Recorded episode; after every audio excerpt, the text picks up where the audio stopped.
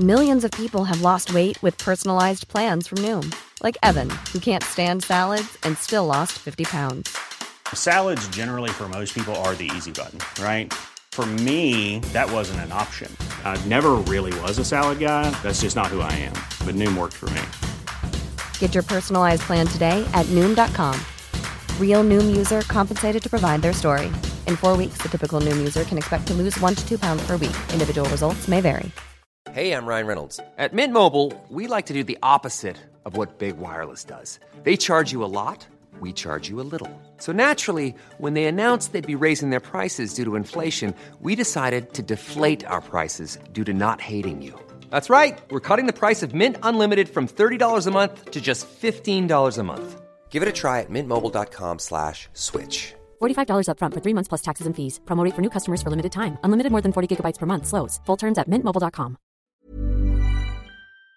Jag tror, att, jag tror att alla tycker mest om att höra Peders röst. Ja, Peder får börja. Jag är den som har minst att säga. Om vi puttar fram honom till micken och, och låter honom göra presentationen så är vi i hamn redan där. Då som i törskap är det dags för eh, just det podden att återigen eh, förädla era öron med eh, lite trevliga samtal. Vad tycker ni om det introt? Ja, det var trivsamt. Vi, vi sitter ju och häpnar bredvid och bara känner så här. Tänk om man med sådan chosefrihet bara kunde gå fram och göra något så trevligt och värmande. Bara sådär.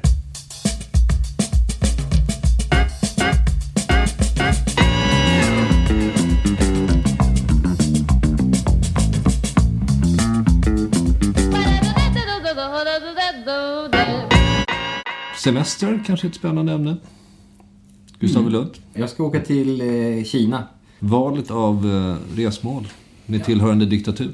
Ja, Asien är ju trevligt. Jag vet inte om man kan åka någonstans det ska vara bra. Vad, vad är ett Nej, jag bara- politiskt korrekt resmål? Nej, det var inte det. Jag tyckte bara att det var intressant med Kina. Ja, men det är intressant. Men jag tycker också det är intressant med den där diktaturen. Med den logiken så blir ju Asien... Thailand är väldigt svårt att åka till också. Där är de inte heller helt korrekta. Snarare att, man skulle, att det vore spännande att åka till en diktatur. Eh, Nordkorea vore ju kanske allra mäktigaste resmålet. Om man nu kommer ut därifrån. Men eh, Kommer man in? du kan nog komma in, men du inte fan. Ja, det jag kanske inte ens kommer in. Jag vet faktiskt Eh, inte. Ja, men jag har Nordkorea kompisar skulle, som har varit det var där. Har fantastiskt inte. Fredrik Andersson varit där? Men det var länge sedan, tror jag. Måns har varit där. Ja. Vad sa han om det? Det måste ju ändå vara hyperintressant att se hur det ser ut. Ja, men han tyckte det var skitspännande. Det, det är klart att det finns negativa aspekter utav Nordkorea. Det, är ju inte det- Eh, Så att det är bara fånigt att ta upp. Men, men, men jag tycker ändå att det, alltid att det är beundransvärt med folk som, som, som väljer att se saker med egna ögon. Han sa en väldigt rolig grej till mig en gång. När jag i vanlig ordning beklagade mig över något land som jag hade varit i. Där det inte längre var lika billigt.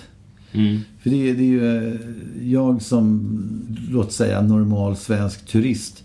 Blir ju alldeles lycklig när jag kommer någonstans och, och man får en bärs för fem spänn och, och, och en, en måltid för 25. Men han högg blixtsnabbt och sa att, att eh, nej men det, jag håller med verkligen, sa han. Därför att eh, jag åker bara till ställen där folk tar ordentligt betalt. Så att man inte är ett sånt där valutasvin. Som, som bara lever på andras eh, tillkortakommanden. Och jag blev ju alldeles tillplattad moraliskt. Och det var inte ens hans syfte utan han trodde nog att jag menade någonting annat när jag sa det jag sa. Utan det bara, han, han sa en sån extremt rättskaffens sak. Så jag bara mörkade och höll med och det gjorde jag också i själ och hjärta. Och, och jag har verkligen försökt bära med mig denna briljanta sägning eh, genom livet och, och, och vara glad varje gång jag betalar mycket eftersom då vet jag att jag gör rätt för mig. Men kan man inte dricksa väldigt hårt om man då är på plats i ett så kallat lågvaluteland?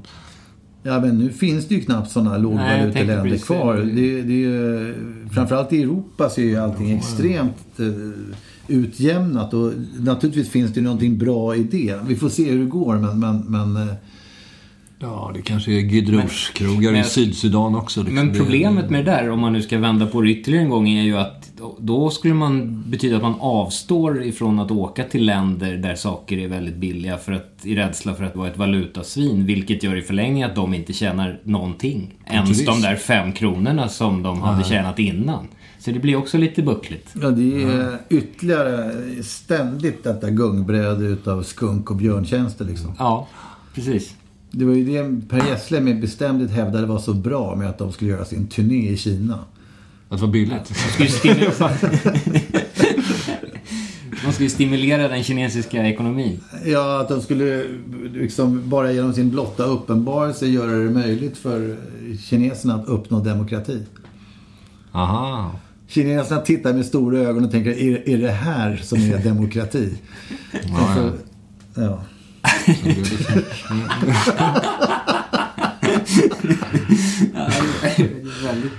Det är De har väl lagt av nu? Ja, det var ju Maries fruktansvärda tragedi där med saker och ting Ja, som det var- omöjliggör Beklämmande. Hon är en väldigt trevlig figur måste man säga. mycket, mycket trevlig och snäll människa. Det är alltid lite synd om artister tycker jag som hamnar i det här uh, Malou von Sivers-fällan. På det sättet att, att de blir så fullständigt förknippade med sin egen olyckliga situation. Någon som har varit med om någonting jobbigt eller, eller är sjuk eller sådär. Därför att det blir ju omöjligt att ta sig ur den stigmatiseringen. I varenda intervju som, som då görs blir ju utifrån något slags Malou von Sivers maner. Att man rundpratar i, i en kvart. Och sen så, så lutar hon sig framåt med fuktiga ögon och säger att ja men sen var det visst något som hände va? Jag säger den 16 oktober 2002, då, då var det visst något som hände. Och, och sen så är man raskt inne på det där. Jag vet, Dogge har ju hamnat i det där att, att han ska ju lyftas fram varenda gång det pratas om, eh, för hans fru dog ju utav cancer. Och, och, det, och det är ju djupt tragiskt och jättebra om hans outande utav sina känslor kring det kan hjälpa folk i svåra situationer. Men däremot så tycker jag lik förbannat att det är tråkigt för dem som, som blir eh, synonyma med, med sin... Ja, ja, det blir som Louise Hofsten och MS. Ja. Och liksom. Men vad är den primära funktionen i det här egentligen? Är det då nyfikenheten eller hjälpandet av människor? Alltså man säger så här, när någon dör. Eh, nu när Olle dog, så här, Olle Ljungström dog. Så, så jag, jag har ju fått höra så mycket fint om Olle. Eh, bara på ett par veckor. Som, som, som jag inte fick höra alls på samma sätt medan han levde. Och i synnerhet eftersom det var en mångfacetterad person. Olle hade många, många sidor. Vilket ju gjorde honom spännande, för mig i alla fall. För, för, för han har både varit svinjobbig och, och askul. Och jag, jag tycker om att handskas med sådana situationer, även om det kan bli knepigt. Medans eh, när någon dör eller ja, men blir dödssjuk och sådär, så, så då blir allting bara på ett plan. Man, Allt det negativa skrapas bort till förmån för något slags sakralt. Ja.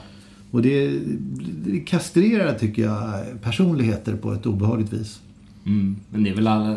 Ska man ska vilja visa respekt och välvilja på något sätt. Det känns ju smaklöst att komma dragandes med folks eventuella negativa sidor när de precis har gått bort kanske.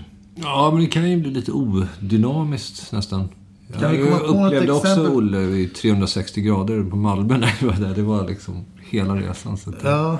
Men, men kan man komma på något exempel där någon eh, är ihågkommen för sig, även sina negativa sidor eh, och, och- och det kan ändå bli ett fint minne? Cornelis kom väl undan med liksom... Skriver en låt om hur han liksom raggar upp två som han tror är tjejer och så visar det på transvestiter och så misshandlar han dem liksom och folk tycker så här, fan vad skönt. Ja, fan, de jävla transvestiterna ska ha. ja, Det hade kan man inte- också känna är sådär, mm, I don't know riktigt Cornelis liksom. Nej, och det, det är ju bara skrap på ytan. Ja. Men där jag undrar om inte folk har en ganska bra uppfattning om att han var ett asshole på Jo. många sätt. Och faktiskt godtar det. Ja, men då blir väl det ett exempel på det du menar på något sätt. För det är ju, alla är ju fullt medvetna om, om det. helt enkelt och tycker att det är okej i alla fall. en annan aspekt av det hela som, som också kan betraktas som eh, ganska okänsligt är ju till exempel då, om vi tar Olles bortgång. Att jag har ju ingen relation alls till hans låtar. Jag har inte, det lilla jag har hört tycker jag är rätt dåligt. Liksom. Och det, om man säger det när, någon har gått bort så framstår man ju också som en fruktansvärd människa. Allting ska ju vara så bra hela tiden. Fast det känns kanske lite onödigt att lyfta fram eh, om någon går bort.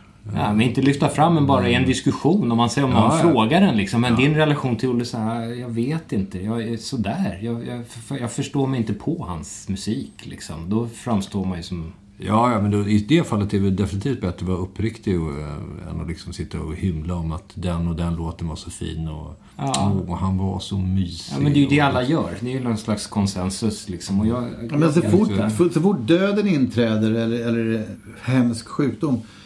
Men framförallt döden. Så, så det som har skapats passerar ju Rubicon för alltid där då.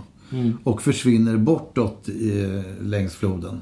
Och det som försvinner bortåt längs floden kommer alltid ha en förbättringsprocess. Det, det är någon slags naturlag i det. Det finns ingenting allra längst borta i den floden som är dåligt. Det kan vara dåligt i 10, 20, 30 år. Det kan vara dåligt i kanske till och med 100 år. 500 år. Men förr eller senare när det har gått tillräckligt mycket tid så är allt, allt fantastiskt. Det är inte bara bra utan det är makalöst. Ja, ja.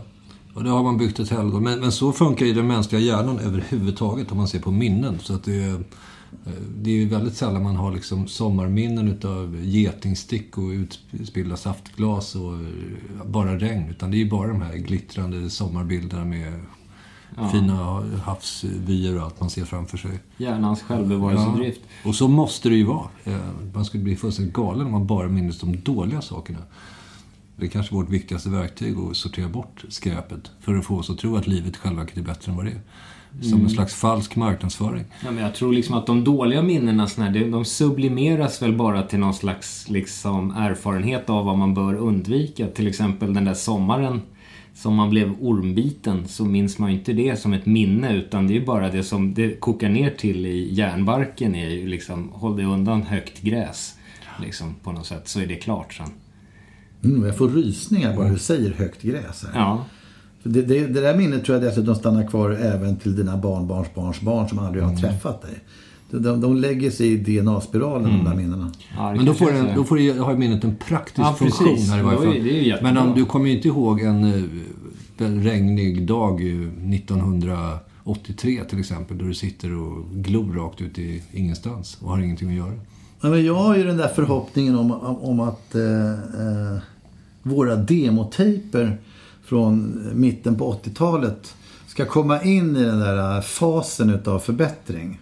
Fast Men varje gång jag plockar fram dem så är de precis lika dåliga som de brukar vara. Jag måste säga, jag fick ju, du, jag fick ju gamla vinyler, en låda med gamla vinyler av dig Peder. Ja, just det. Från du flyttade, ja. Och där låg ju de, de gamla Wille Crafoord och Pondus-singlarna. Ja. Just det. Och Var jag det vill inte... Som var Ja, framförallt... Du vill ogärna strö salt i såret, men... Han ska Jag även vill, jag tänkte skriva så en här, bok. vi kan diskutera dem, men jag tänkte säga, jag tänkte säga vi säger inte titlarna om någon skulle liksom få för sig. Men de går ju inte att få tag på tror jag. jag Nej. Nej, men jag... För de är, de är speciella. Men samtidigt... Nu är diplomatin igång. Ja, jag ska vara diplomatisk. Men samtidigt, jag har så otroligt svårt för sån här när så här Eva Dahlgren går ut och liksom vill förneka vissa delar när hon står med någon slags ullfrisyr och sjunger någon halverotisk låt i G till Niklas Wahlgren som ligger och lyfter vikter liksom. Det känns som hon, hon, hon vill liksom sudda bort det ur, sin, ur sitt liv. Ja, det är så här, även- som jag det inte har att hänt. Även det kommer bli bra förr eller senare. Men jag tycker Det att är det är bra. bra. Jag tycker det är fantastiskt. Det, men hon vill ju... Liksom, det där känner jag, precis som med de här Pondus-singlarna. Det är ju någonting som har skapat... Allt det där, det är någonting man måste göra för att komma fram till vad man gör sen som är bra. Liksom. Just det att försöka liksom radera ut vissa faser i ens utveckling bara för att man tycker att det känns jobbigt. Det blir ju svårt liksom. Men man, man måste ändå rent så här fiktivt slänga på 50-60 år så att den där processen kan komma igång på allvar. Eh, därför att det jag menar är att om, om vi hör ett band, ett replokalstejp för ett band på tidigt 80-tal eller någonting så kommer vi ju ändå höra vad som är bra och vad som är dåligt. Eh, Hör vi replokalsband eh, från eh, någon slags jazzband från 30-talet. Då blir det genast lite svårare att urskilja vad som är bra eller dåligt för att det är så länge sedan. Och hör vi då sen en, ytterligare någon kanske märklig eh, vaxrulleinspelning från 1890-talet. Ja, då är det ju helt bort. Det, det går inte längre att avgöra vad som är bra eller dåligt. Det, det bara är fantastiskt att det finns överhuvudtaget ljud därifrån. Ja, ja. Det, det finns, det finns ju eh, vissa sköna teorier om att, att, att när folk har gjort såna här eh, drej, drejade lerfat och sånt. Så är den processen inte helt olik att, att göra en skiva. Nej. Så att om man har använt till exempel, låt säga en, en, en någon slags tagg eh, för att göra mönster i det här fatet medan det har gått runt, runt. Eh, kanske på stenåldern liksom, eller eh, bronsåldern, vad vet jag. Liksom. Eh, och någon har sjungit samtidigt. Så finns det en liten, liten möjlighet att den här sången kan ha spelats in i fatet. Eh, Och, och det de försöker göra nu det är bara att försöka plocka ut de här eventuella ljuden som kan ha varit samtidigt. Och skulle man då höra någon här så då är, tror jag faktiskt inte att någon någonsin skulle kunna uppfatta det som dåligt. Nej, det är helt... Ja, den här låten. Nej, men, men, men lägg då till det underbara faktum att det man hör när, när, när, det här, när de äntligen får ljud i det här gamla fatet, det är att man hör liksom "Mm, där är skiten, just en skit, man vill ha betala fin skit. Förstår vad stora vi skulle bli då? Ja. Jag, har faktiskt, jag testade faktiskt att tejpa fast en, en eh, knappnål i en tändsticksask och trycka ner den i en färdig vinylskiva, så det här lilla spåret innan låten har börjat. Eh, och sen skrek jag allt vad jag orkade i den där tändsticksasken för att se om det hände någonting med den där spåren. Och det blev faktiskt. Det är faktiskt sant. Man spelade så här, så här Liksom. Fan vad underbart. Ja, men det är sant. Du gjorde ditt eget Ja. liksom, eh, Jag testade om funkar. bronsåldersexperiment. Ja, jag testade och det funkar faktiskt. Man, man får in det där skriket på, på, på ett vinylspår. Det här är ju, du, du övergår ju genast i uppmaningen prova detta hemma. Ja. Ja.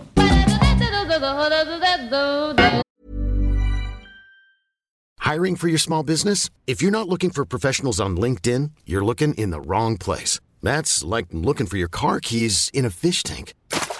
LinkedIn helps you hire professionals you can't find anywhere else, even those who aren't actively searching for a new job but might be open to the perfect role. In a given month, over 70% of LinkedIn users don't even visit other leading job sites. So start looking in the right place. With LinkedIn, you can hire professionals like a professional. Post your free job on linkedin.com slash achieve today.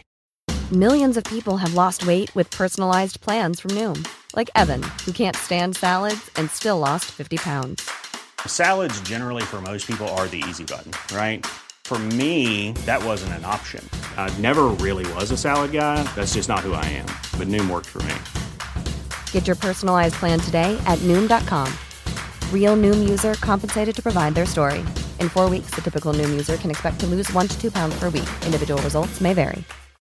Since 2013, Bombas has donated over 100 million socks, underwear, and t shirts to those facing homelessness. If we counted those on air, this ad would last over 1,157 days. But if we counted the time it takes to make a donation possible, it would take just a few clicks. Because every time you make a purchase, Bombas donates an item to someone who needs it. Go to bombas.com slash ACAST and use code ACAST for 20% off your first purchase. That's bombas.com slash ACAST, code ACAST. Vissa saker har man en underdos av i livet. Eh, och jag tycker att det är synd att göra det synonymt med att man får för lite av det. Därför att det kan ju också vara saker som man inte vill. Alltså det man får för lite av är ju någonting man vill ha. Men underdosen känner jag är, är någonting man borde få mer av, men man vill inte ha det. Och om jag då översätter det till exempel till hur jag tänkte när jag var tonåring.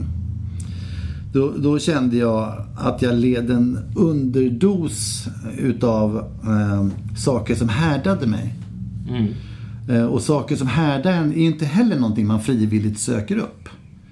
Nej. Så att jag, jag kunde gå runt och känna så att, eh, att, att jag, jag borde fan eh, ha ett fysiskt jobb. Eh, Jag såg framför mig att, att, att det skulle varit bra för mig att jobba som asfaltsläggare eller något sånt där.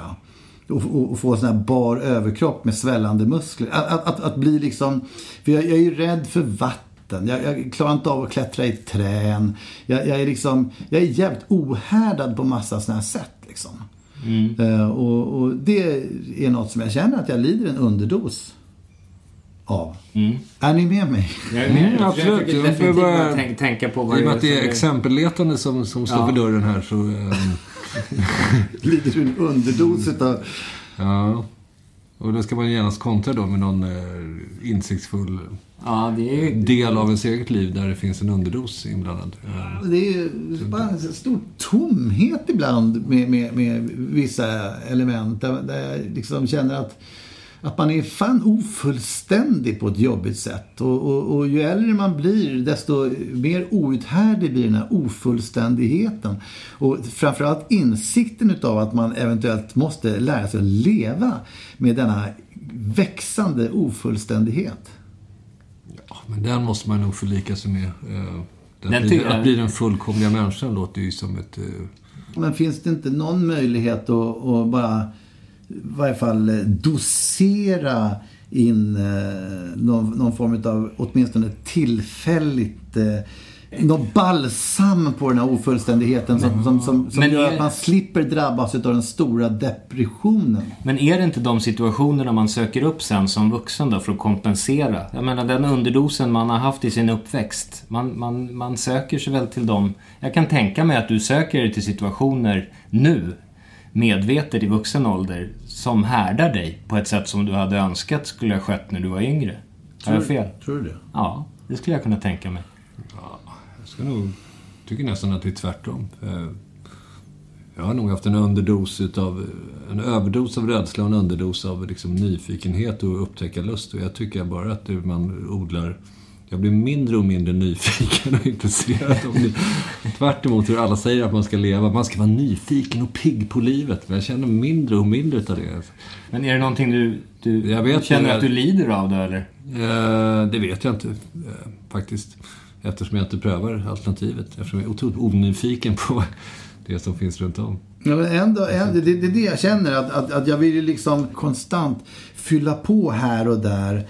I, åtminstone i små doser. Så att man inte drabbas av den här stora eh, tomheten, svarta hålet som gör att man riggar liksom snaran och, och, och ställer sig på stolen.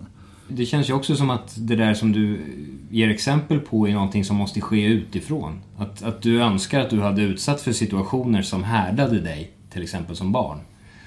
Det är ju svårt att leta upp, alltså det är ju sånt som måste ske utifrån, eller hur? Och har man då otur, oturen att inte råka ut för dem så är det ju svårt att göra någonting åt saken liksom. Eller hur? Ja, men just det där. Ja. Alltså jag, jag försöker föra samtalet vidare bort från härdandet, bort från, alltså bara i största allmänhet, alla de saker som jag känner att jag lider underdos av. Det, det, det kan ju vara ganska banala prylar som att jag, jag, jag känner mer och mer att, att, att jag lider en underdos utav att grisa runt på fyllan till exempel. Ja. Eh, och, och, och jag vill inte grisa runt på fyllan. Nej.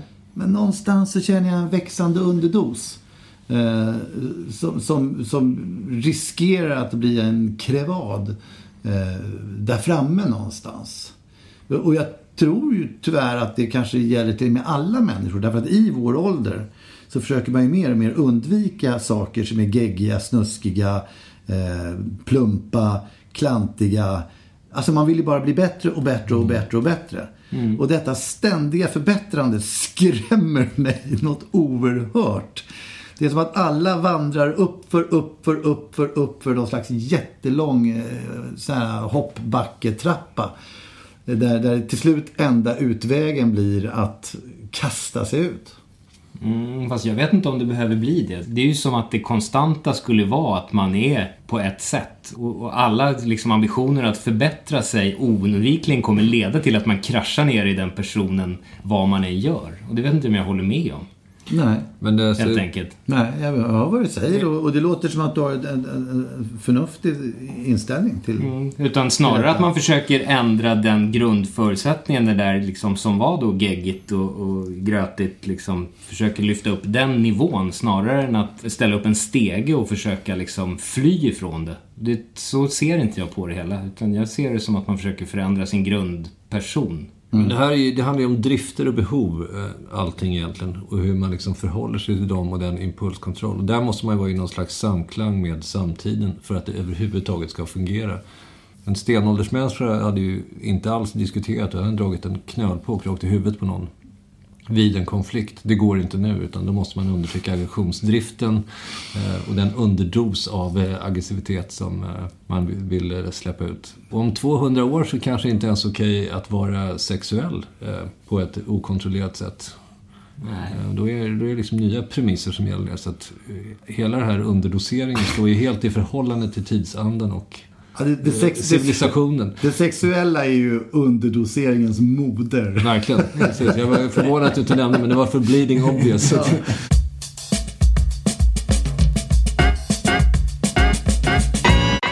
Underdos, det kan jag också härleda till, till varandes att man behöver en dos utav under. Eller kickar. Det är det man söker hela tiden i livet. Liksom man vill ha sina små under här och var. Eh, och där kan det ju bli en underdos av underdosen helt enkelt. Eh, och jag märker det nu när jag slutar dricka liksom hur, hur svårt det är i början när man precis har gjort det och hur mycket lättare det blir för att det, det är en vana. Det är helt enkelt någonting som ska göra, det är en norm som man bara eh, på något sätt hänger sig åt utan att ifrågasätta. Och jag vill absolut inte bli någon sån här moralpredikare, det är det värsta jag vet. Men jag bara säger det, mina egna reflektioner är att det är, det är så mycket som är vanor med att dricka liksom och, och sånt som man kallar för drifter. Liksom. Men där blir jag lite nyfiken, för det här är ju liksom en dörr man kan öppna eh, Ja. och gå ut genom. Där det Ja. liksom surrar av elände, hell och det är kaos runt omkring. Så öppnar man den här lilla dörren, porlar upp och går in. Vad gör man istället? Eh, Finns det någon annan dörr som man kan... Det behövs inga dörrar. Det är nog det att man upplever nog inte det här kaoset och surrandet och, och helvetet i korridoren som du beskriver som så fruktansvärt jobbigt och surrande och härligt. Du upplever det ju som surrande och jobbigt och härligt för att du går igenom en dörr och upplever att du slipper det. Och sen går du tillbaka i det och upplever det som jobbigt igen. Om man på något sätt bara befinner sig i en konstant liksom, tillvaro hela tiden. Så det kan ju i och för sig låta jättelinjärt och tråkigt och fantasilöst men det gör ju att man upplever saker på ett annat sätt. Men det Som där, att sova vid en motorväg ungefär, att man, det blir okej efter ett tag. Ja, precis. Alltså vad man än gör. Alltså, det är den där flykten från det man upplever som hell som gör att man, när man, kommer tillbaks i hellet, att det är hell. det där ligger ju i, i spritens geniala marknadsföring helt Ja. enkelt. Att, att de har fått oss att tro att, att eh, spriten är enda utvägen. Precis. Man kan bara gratulera dessa fantastiska reklammakare som då någon gång har satt normen för Ja, men det gör det ju. Den funktionen fyller ju. Och hur pass kristen och frälst och, och liksom nykter man än är så måste man ju inse liksom den fantastiska självläkande liksom effekten av alkohol. Så är det ju helt enkelt. Men jag, jag har ju gått in lite grann på din linje och, och, och kämpar väldigt hårt med eh, det här eh, min relation till alkohol. Eh, och eh, för att komma till rätta med denna då underdosering som jag utsätter mig för så går jag i ständiga såna här tankar om vad, vad ska jag ersätta det här med och, och, och, och så vidare. Och ju längre bort jag kommer från den här befriande dörren där, där allt är förlåtet på något sätt i, i, i alkoholens skugga. Ja. Eh, I varje fall för stunden. Men, men eh, det blir ju det, det blir en sån saknad. Ja. Det, det blir en sån jävla saknad. Man känner så här, okej ska jag ta bort det här nu? Därför att jag kan ju se konsekvenser som inte är så schyssta och jag gillar inte att vara slav under någonting och sådär. Men, men att ta bort det, det blir så jävla sterilt på något sätt. Det, det blir det. Till en början. Så är det verkligen. Det krävs jättemycket jobb och jag kan ju se utmaningen i det just bara för att det är så jävla svårt och det krävs så mycket jobb så kan jag se utmaningen som ännu mer lockande. Men för dig är det då inget som gäller? Men då har du någon slags maratonlöparinställning att det är bara någonting som ska göras liksom. Mm. Men jag säger inte, jag vet ju inte, jag vet inte hur det är framåt. Jag säger att nu är det så här. Jag, jag vill inte, alltså, det här är inget som är hugget i sten på något sätt. Men liksom det här, nu är det någonting som ska göras. Och det är ett sätt att klara av den, den där ersättandet liksom. För om man liksom gör det lite grann, då hänger man sig nog inte tillräckligt mycket åt ersättningsjobbet helt enkelt. Nej, alltså, jag ser det i så fall som en större utmaning. Att hitta ett läge där, det kan, där, där lite grann funkar. Ja, det är ju det optimala tror jag också, absolut. Men, det är men eh, det är ju... Risken är att dörren öppnas. Det är som en sängkammarfars. Nej, men jag, kan- jag, kan- för mig blir det så här att, att, liksom, att dricka alkohol utan att bli helt jävla wasted. Det är så fullständigt poänglöst. Ja. Det är som att spela fotboll utan att räkna målen. Alltså det, det är liksom, det blir så här, vad, vad gör ni för någonting? Ja. Nu, nu, nu får vi ta tag i det här, lite jävla ordning och reda. Men jag håller med. Och, och därför blir liksom en, två, tre, fyra öl blir bara för mig rena uppvärmningen. Det är innan avblåsning. Ja, men, Korven är ja. ja, men så är det ju. Och det är därför... Sen går matchen igång och, och eh, det är då det börjar hända Men, spännande och, det, saker. men, och det är väl där problemet ligger, för där är vi nog lite lika. Det är ju liksom antingen eller. Och då väljer jag eller. Helt enkelt. Inte antingen. det är det. Jag förstår. Jag Men, men det optimala enligt alla logiska och, och, och, och liksom sunda regler vore ju naturligtvis att hålla det på en nivå. Men det är ju svårt. Jag kan tycka alltså faktiskt, eh, bara den där halva flaskan vin.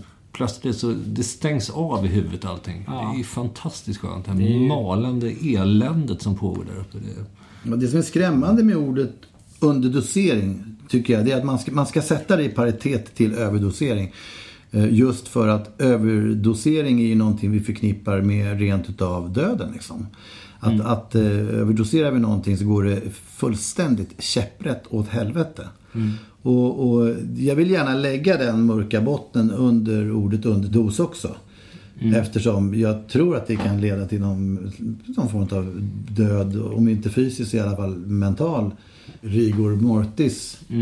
F- för att eh, vi behöver någonting som vi inte tillgodogör oss. Liksom. ja, bara det enkla exemplet. En, en underdos av kärlek och, och närhet skulle ju fullständigt ta koll på en tror jag. Man kan Ja, inbilla sig att man är hur solitär som helst. Men när det väl gäller så...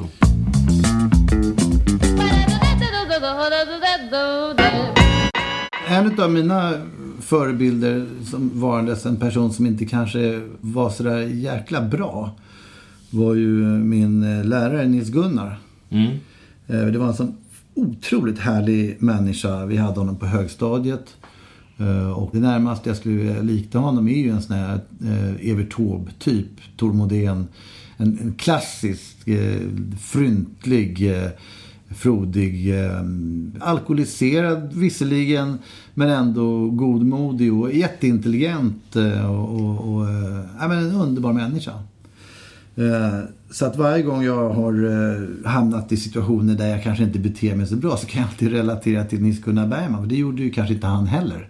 Men det var ju en ändå underbar person. Och han brukade ju smyga iväg till kartrummet. Och ta sig en liten tuting liksom. Ja. I, i skolan. Det är där man kanske får hitta sina kartrum. Det, det är väl kanske inte en uppmaning som, som Som man ska ge till sina tioåriga barn. Nej. Men vad, har du kartrummet? Nu ska pappa visa dig kartrummet min lille vän. Nej, men, men kartrummen, jag vet inte. Jag, jag, jag, jag lägger ingen värdering i, för det är klart att det finns nackdelar med att ha kartrummet. Men, men, men vad, vad kan man se som kartrum i livet? Liksom? Vad, vad ligger tillvarons kartrum? Som de här mentala rökpauserna som man kan få faktiskt. Men det, då måste man hitta saker som får en att förtränga livet så pass effektivt att man inte funderar på det. Ja, men, och det är det jag menar med... Jag, jag vill ogärna låta som en frikyrkopastor här. Och om jag gör det ber jag om ursäkt i förhand. Men, men det är ju det att när man tar hjälp av alkoholen, det är då man hittar de där, som du säger, de där dörrarna utifrån den helvetiska larmande korridoren. Eh, och då är det ju klart, och där, där, i och med att man har de dörrarna där då så lätt till hands så slutar man ju leta. Ja men skit i alkoholen här nu. Det måste ju ändå finnas andra eh, Ja, men det är det jag menar. substanser i kartrummet som inte har med vare sig droger eller ett annat att göra. Men, men en Ja, an- de är lättare att hitta utan alkohol. en, det är det jag en, menar. en dos utav ett annat sätt att leva kanske man kan hitta i kartrummet. Ja, jag skulle säga Ja. att, det har vi varit inne på tidigare, men konstnärligt skapande är ju nog mitt största kartrum. Ja. Där går man in i hela tiden och försöker göra saker. Onani. Ja, men Youporn är väl ett- ett kartrum så in i baljan. Därför där kan folk hänge sig åt exakt allt det som för, de fördömer i, i dagsljus liksom. Man, man hittar Jag ju tror sina alltså, kartrum. träning liksom. är väl det kartrum som folk använder mest om man ser. Det är ju sjukt mycket folk som tränar överallt hela tiden. Det är Vansbrosim och det är Vätternrundor och hit och dit och Vasalopp liksom. Så Ja, men jag tänkte på när du spelade bandy där och drämde någon klubba i bröstet på någon motspelare i, i affekt. Det, det känns ju väldigt kartrummet. Ja, men det, det, det är ju kopplat till underdosen av aggressivitet Ja, som man inte ja, visar. ja. Kliver ut på en, och spelar korvfotboll är samma sak. Där får man liksom, eh, utan att spela fult kan man spela extremt fysiskt och tufft och, Mm. och svära lite grann. Ja, det får man faktiskt inte göra för då blir man utvisad nu för tiden. Men det är i varje fall en, en, eh, ång, ett ångutsläpp Mm. eh, som är viktigt. Så sport är bra. Och det är bara att gå på en fotbollsmatch och höra hur det låter på Tele2 Arena. Eh, Från eh, ståplats till VIP-läktare. Att det är många som släpper ut ångan där. Så att, Ja. Och det, det om- behövs uppenbarligen de här funktionerna i samhället. Om, om, om samhället upptäckte kart, alla människors kartrum, då skulle de förmodligen förbjudas. Eh, därför att det är ju inga bra saker som händer i kartrummet. Det kan ju vara det. Det är kanske någon som smyger in i kartrummet och, och liksom sjunger vaggvisor för barn. Vad vet jag. Men, men Säkert någon som sitter och drejar krukor och liksom har det som kartrum. Det är ju ganska harmlöst. Och- Eller spela golf, vad som helst. Det är ju ganska snälla kartrum.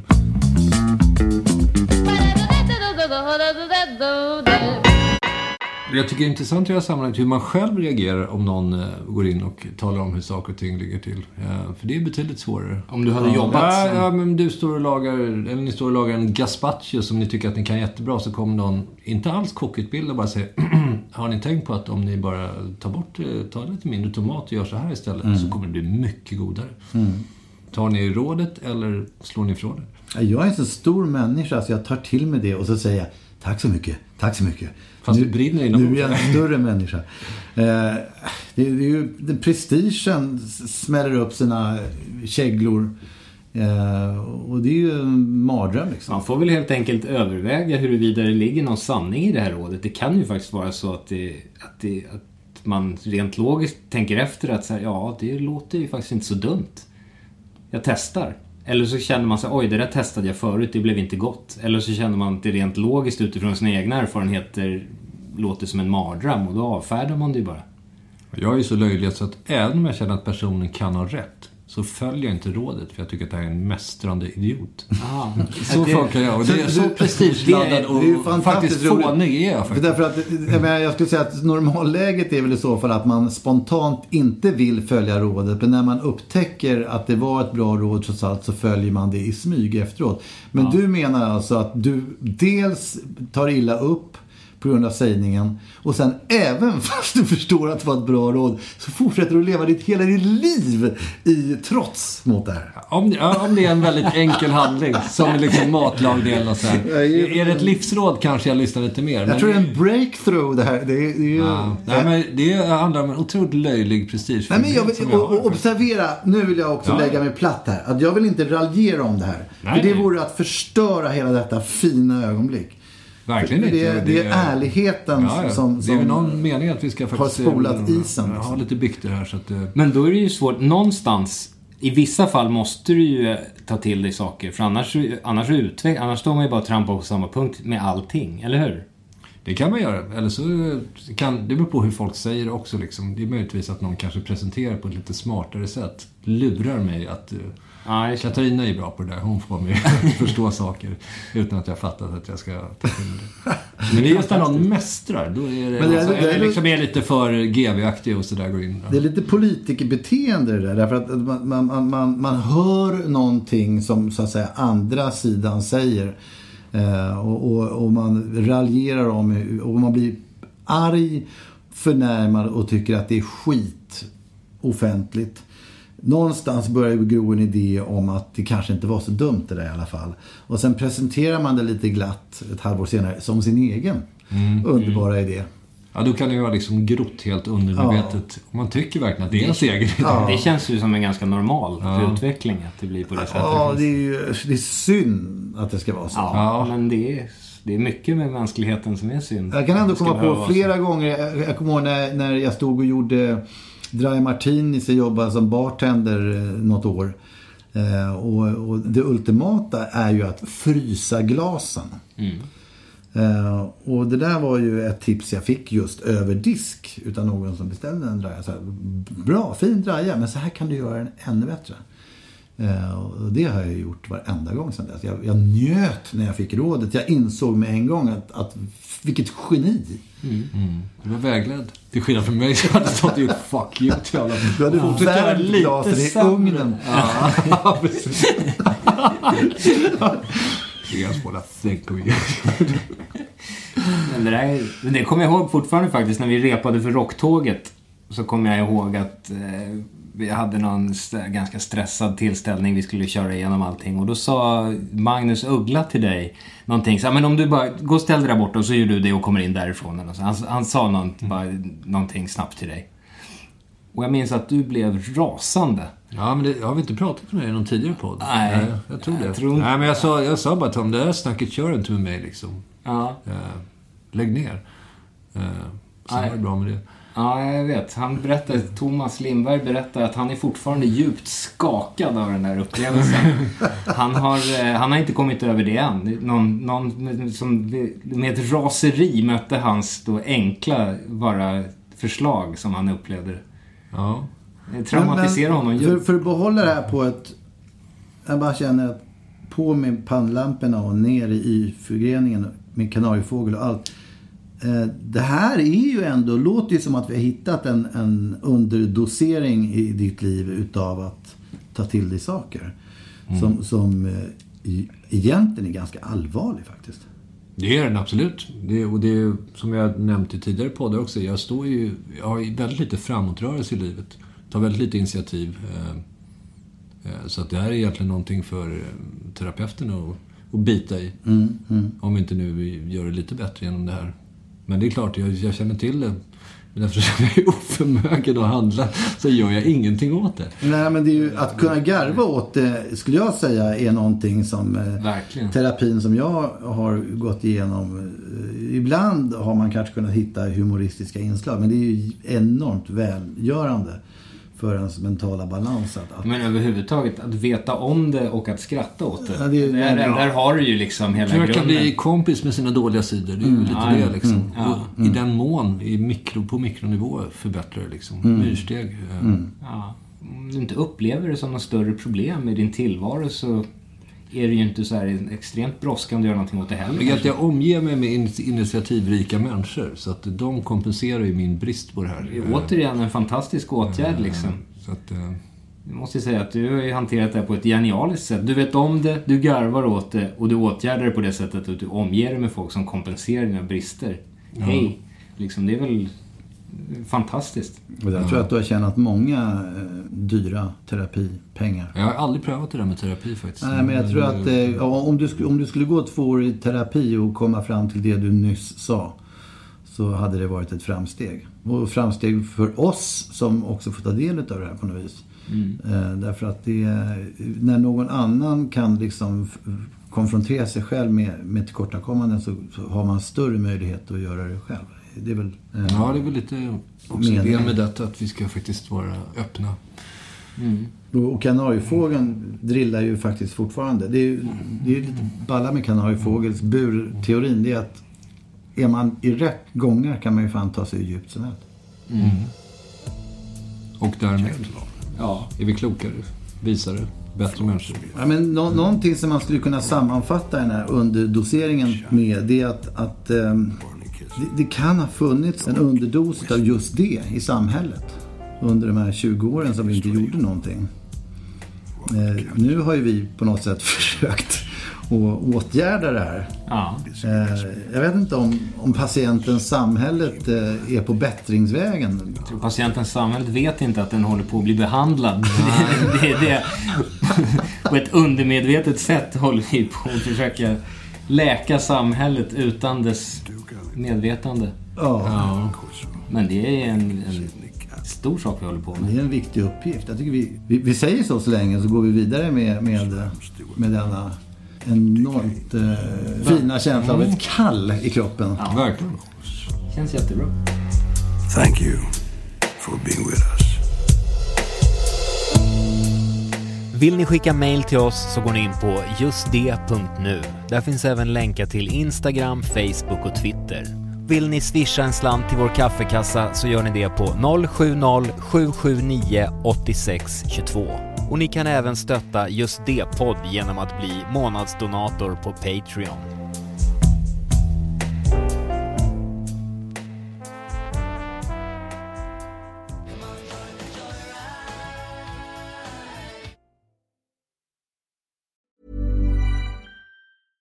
Hey, it's Paige DeSorbo from Giggly Squad. High quality fashion without the price tag. Say hello to Quince. I'm snagging high-end essentials like cozy cashmere sweaters, sleek leather jackets, fine jewelry, and so much more. With Quince being 50 to 80% less than similar brands. And they partner with factories that prioritize safe, ethical, and responsible manufacturing. I love that. Luxury quality within reach. Go to quince.com slash style to get free shipping and 365 day returns on your next order. Quince.com slash style.